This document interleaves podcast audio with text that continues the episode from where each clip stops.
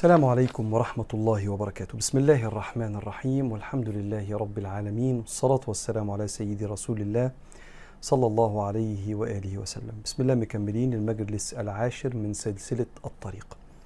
سلسلة تدريس وطلب العلم الشرعي. بنتكلم فيها عن العقيدة وعن الشمائل المحمدية وعن الفقه على المذاهب الأربعة وعن تزكية وترقية الأخلاق. الله النبي الإسلام النفس. كتاب العقيدة اللي بندرسه هو كتاب العقيدة الطحاوية للإمام أبي جعفر الطحاوي الإمام الكبير الحنفي المذهب. حضراتكم عارفين أن المذاهب الأربعة الأحناف نسبة لأبي حنيفة المالكية نسبة لمالك بن أنس الإمام الكبير الشافعية محمد بن إدريس الشافعي والإمام أحمد بن حنبل الحنابلة.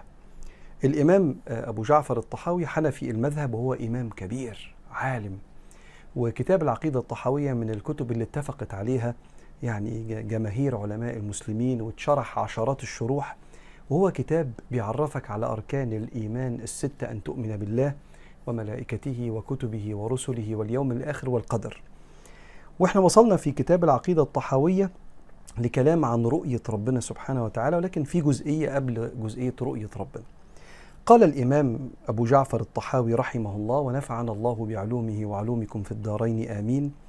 قال ومن وصف الله بمعنى من معاني البشر فقد كفر فمن أبصر هذا اعتبر وعن مثل قول الكفار انزجر وعلم أنه بصفاته ليس كالبشر. بيقول إيه هنا الإمام؟ تاني عايز أفكرك أن كتب العقيدة اللي اتألفت في القرون الأولى الإمام الطحاوي متوفى 321 هجريا. فالكتاب ده يا إما متألف في القرن الثالث الهجري يا في القرن الرابع الهجري فرضا يعني. وبالتالي في الوقت ده كان في ناس كتير من أمم مختلفة بتخش في الإسلام وعندهم تصورات عن فكرة الإله غلط تصورات عن صفات الإله غلط.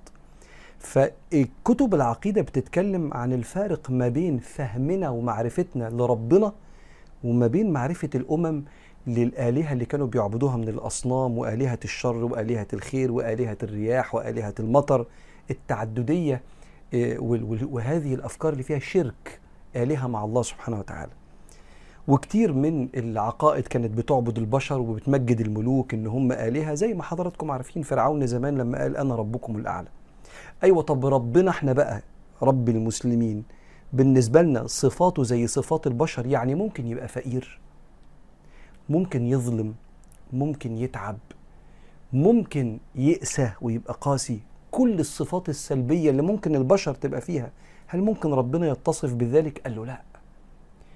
اوعى تقول زي ما قال اليهود على ربنا كما ذكر القرآن وقالت اليهود يد الله مغلولة يعني ربنا بخيل مش عايز يصرف. غلت أيديهم ولعنوا بما قالوا بل يداه مبسوطتان ينفق كيف يشاء. اوعى تقول زي ما قالوا لقد سمع الله قول الذين قالوا إن الله فقير ونحن أغنياء. سنكتب ما قالوا وقتلهم الأنبياء بغير حق ونقول ذوقوا عذاب الحريق. فاحنا لا نصف الله سبحانه وتعالى كما بصفات البشر اللي فيها نقص ظلم فقر البخل. واللي يوصف ربنا بالنقص يبقى معرفش ربنا. ما آمنش بكمال الإله.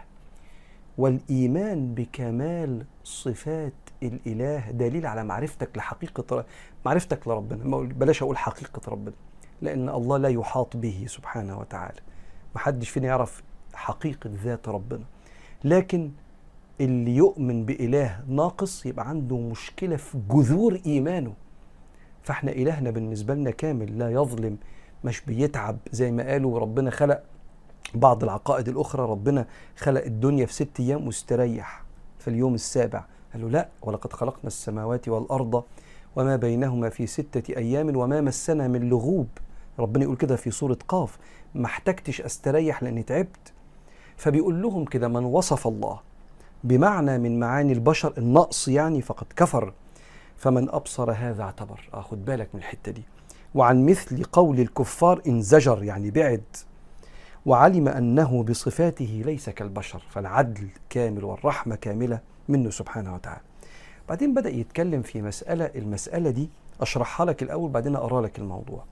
بعض الفرق الإسلامية اسمهم المعتزلة. وأنا مش عايز أشغل بالك بشرحي لتاريخ المعتزلة وتاريخ بعض الفرق الإسلامية اللي طلعت بره أهل السنة والجماعة وخالفت فهم الصحابة لكلام النبي عليه الصلاة والسلام. المعتزلة فرقة بتشغل عقلها بزيادة بطريقة تنافي مراد ربنا سبحانه وتعالى. فبيخضعوا كل النصوص من القرآن والسنة لازم أقتنع بيها بعقلي واللي مش هيخش عقلي ممكن ألغيه. فلما ربنا قال في القرآن وجوه يومئذ ناظرة إلى ربها ناظرة وقال سيدنا النبي عليه الصلاة والسلام إنكم سترون ربكم يوم القيامة كما ترون القمر. لا تضامون في رؤيته. معنى الحديث كان القمر طالع كده قمر 14 واضح في السماء. فالنبي قال لهم شايف أنتوا شايفين القمر بوضوح إزاي؟ مش بيشبه ربنا بالقمر. النبي بيشرح لنا الحال اللي هنشوف بيه ربنا مستقر واضح. حالنا إحنا مش تشبيه القمر بربنا. فاحنا زي ما بنشوف القمر بهدوء كده وشايفينه بوضوح لما يكون قمر 14 في السماء في الصحراء دنيا سودة والقمر منور كده قال لهم هتشوفوا ربنا. زي حالكم كده وأنتم شايفين القمر بوضوح. لا تضامون ليها معنيين. لا تضامون يعني لا تشعرون بالإرهاق ولا المشقة هتشوفوه وأنتم مستريحين بهدوء في الجنة. أو لا تضمون مش هتقعدوا تزنقوا عشان تشوفوه. لا ده أنتوا كل واحد واقف مستقر من غير ما تتضموا على بعض وتتخانقوا. لا شايفين ربنا. جم المعتزلة قالوا لا مش هنشوف ربنا ليه؟ لأن ربنا مش جسم عشان يتشاف. شو في حتة في في كلامهم صح ربنا مش جسم عشان يتشاف. فأنت لو شفت ربنا هتثبت إنه في جهة وربنا مش في جهة وعقيدة أهل السنة إن ربنا مش في جهة معينة ولا في مكان بيحوط بيه وهنتكلم على ده بعد شوية. إن ربنا في مكان بيحوط بيه فربنا في الحتة دي فهنبص في الحتة دي فنحيط بربنا. الكلام ده شكله من بره صح في الدنيا. لكن إذا قال ربنا إن إحنا هنشوفه يبقى في شيء ربنا هيعمله في تكويننا أو هيعمله في ملكه يخلينا نقدر نشوفه في الجنة. يوم تبدل الأرض غير الأرض والسماوات. وبرزوا لله الواحد القهار. فلما ربنا يقول هنشوف ربنا يبقى هنشوف ربنا. إزاي؟ زي ما ربنا يريد. لكن لما تيجي أيها الإنسان اللي طلعت بره أهل السنة تقول لأ مش هنشوفه. لأنك لو شفته تثبت إن هو جسم وربنا مش جسم. أيوه صح ربنا مش جسم. وهتثبت إنه في اتجاه وهو مش في اتجاه. صح ربنا مش في اتجاه. كأنه في الركن اللي هناك ده أو في لأ. الله سبحانه وتعالى لا يحيط بشيء لأنه مش جسم عشان يحيط بيه شيء صح. بس يا صديقي ربنا قال هنشوفه. يبقى هنشوفه بالكيفية التي يريدها. ما تحرمنيش أيها المعتزلي أو أيها الشخص اللي فهمت فهم غير أهل السنة. ما تحرمنيش من أكبر جايزة في الدنيا والآخرة وهي رؤية ربنا. وتنفي معاني الآيات وتنفي كلام النبي في أحاديث رؤية ربنا وتقول هنشوف مثلا رحمته هنشوف كرمه في الجنة. لا إلى ربها مش إلى كرم ربها سبحانه وتعالى. هنا مفيش احتياج للتأويل لأن التأويل منهج أهل السنة في تأويل بعض الآيات وبعض الصفات هنتكلم عليها بعدين كل حاجة تيجي في وقتها. بس هنا مفيش احتياج كما يقول أهل السنة للتأويل. فبيتكلم سيدنا الإمام الكبير أبو جعفر الطحاوي في الكلام اللي جاي عن رؤية ربنا في الجنة. فبيقول إيه بقى بعد ما شرحت لحضرتك؟ قال والرؤية حق لأهل الجنة بغير إحاطة. يعني ربنا مش جسم فشايف من أول ربنا كده لغاية آخر. قالوا لا ما تعملش كده ده اسمه تشبيه. ده ده أنت بتكيف وكأن ربنا ليه شكل. لا اسكت ما تشاورش. حاضر. العلماء يعلمونا كده. أنا بمثل لك الموضوع عشان أقول لك إيه الصح اللي يتعمل وإيه اللي ما يتعملش. فبيقول كده إنكم ساد... والرؤية حق لأهل الجنة بغير إحاطة. ولا كيفية. أنا ما أعرفش أشوف ربنا إزاي. بس هو ربنا قال لي هتشوفني. يا رب إن شاء الله كلنا. فما دام قال لي كده يبقى سيخلق في القدرة على ذلك. كما نطق به كتاب ربنا وجوه يومئذ ناظرة إلى ربها ناظرة. وتفسيره هنشوف ربنا إزاي؟ على ما أراد الله تعالى وعلمه. وكل ما جاء في ذلك من الحديث الصحيح عن رسول الله صلى الله عليه وسلم فهو كما قال. ومعناه على ما أراد زي ما ربنا يريد هنشوف لا ندخل في ذلك متأولين بآرائنا. ولا متوهمين بأهوائنا بيفرق أهل السنة عن المعتزلة. لا يا معتزلة إحنا هنشوف ربنا زي ما ربنا قال بالطريقة اللي ربنا يحبها. فإنه ما سلم في دينه إلا من سلم لله عز وجل ولرسوله صلى الله عليه وسلم. لما ربنا يقول هنشوف لما سيدنا النبي عليه الصلاة والسلام يقول هنشوف يبقى هنشوف. ورد علم ما اشتبه عليه إلى عالمه. أنا الموضوع ده مشتبه عليا. نشوف ربنا إزاي. ما هو ربنا مش جسم ومش في اتجاه.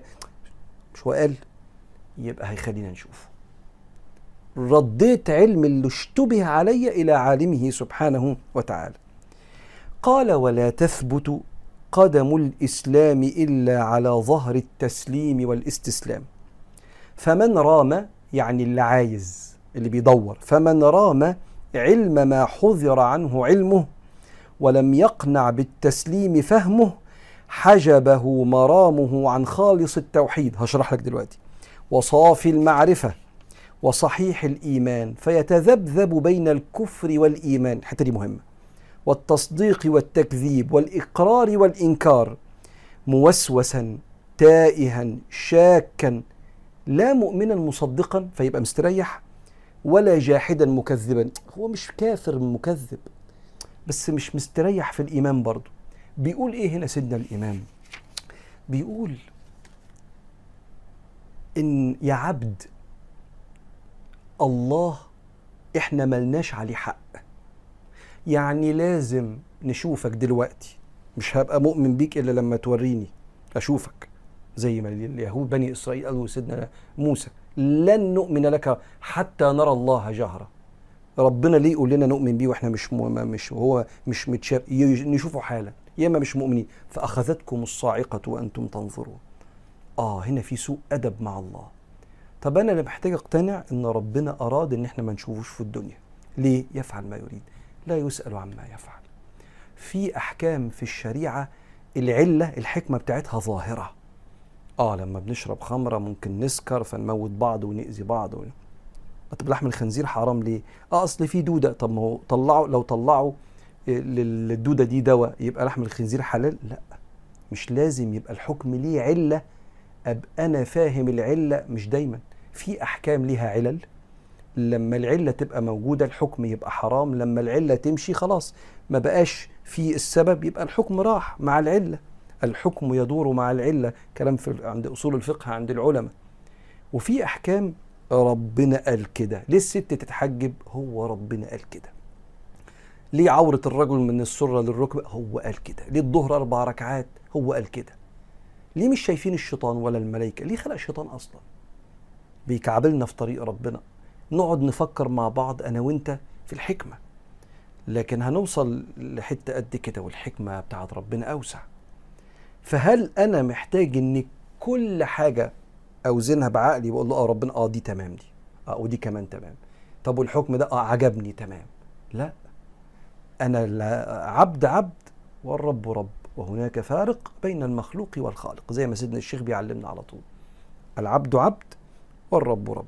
وهناك فارق بين المخلوق والخالق. فأنا كعبد في أوقات مش هفهم ليه. ما أنا مش ربنا. عقلي مش قد حكمة ربنا. في وقت من الأوقات في بعض الابتلاءات أو بعض أحكام الشريعة اللي اتاكدنا إن ربنا قالها كده هنقول له حاضر سمعنا وأطعنا غفرانك ربنا وإليك المصير. ده اسمه إيه كده؟ ده اسمه الاستسلام والتسليم. أهو الرجل في الإسلام عشان يبقى رجلي ثابتة في الدين لن تثبت إلا على أرض التسليم والاستسلام. لو دايما عايز أقول لربنا أنا مش موافق على الموضوع ده لما تفهمه لي الأول. يبقى أنا مش هستريح.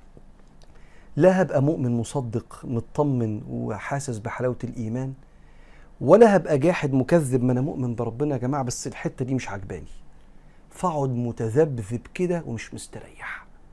كأنه بيقول لنا إيه هنا الإمام؟ بيقول لك لو سمحت كل واحد يلزم مكانه وما تشيلش شيلة أتقل من شيلتك. ومن عقيدتك أن تسلم أن الله قد يعلمك أشياء وقد يخفي عليك بعض الأشياء لأنه لا يسأل عما يفعل فعال لما يريد. وأنا مطمن اللي ربنا خباه عليا لمصلحتي واللي قاله لي لمصلحتي. ربنا بين أشياء وحرم أشياء وحلل أشياء وسكت عن أشياء لا نسيانا. هو ربنا مش بينسى. وما كان ربك نسيا. بس عشان ده الأنسب لينا. فأنا لما عرفته قلت له يا رب رضيت. عشان كده سيدنا النبي يقول لك ذاق طعم الإيمان. من رضي بالله ربا تقول لي من رضي؟ لك لا استنى. رضي بالله ربا ربنا يعني يعمل اللي هو عايزه يفعل ما يريد. قلت دي يا رب؟ آه حلوة. ومرضيين مش عشان عقلي بيقول لي حلوة عشان حضرتك اللي قلتها. لأن أنا ما بقيمش حضرتك يا رب. ولا بقيم كلام حضرتك. ده أنا لما حضرتك بتتكلم بقعد أدور على الجمال اللي في الكلام لأن حضرتك اللي قلته. فالعبد عبد والرب رب. نقرأ تاني الحتة دي ونختم كده. قال ولا تثبت قدم الإسلام إلا على ظهر التسليم والاستسلام. فمن رام؟ اللي بيدور. فمن رام علم ما حذر الا ربنا ما قالوش. فمن رام علم ما حذر عنه علمه ولم يقنع بالتسليم فهمه. قال أنا مش مقتنع مش هسلم. أفهم الأول. قال له هفهمك شوية حاجات وحاجات تانية سيبها لله. حجبه مرامه يعني اللي هو عايزه ده هيحجبه هيأخره. حجبه مرامه عن خالص التوحيد. هو موحد بس في في مشكلة مش مستريح. عن خالص التوحيد وصافي المعرفة وصحيح الإيمان فيتذبذب بين الكفر والإيمان والتصديق والتكذيب والإكرار والإقرار والإنكار موسوسا تائها شاكا لا مؤمنا مصدقا ولا جاحدا مكذبا. يلا نقف هنا ونكمل المرة الجاية في العقيدة الطحوية إن شاء الله في المجلس الحداشر إن شاء الله اللي جاي على خير.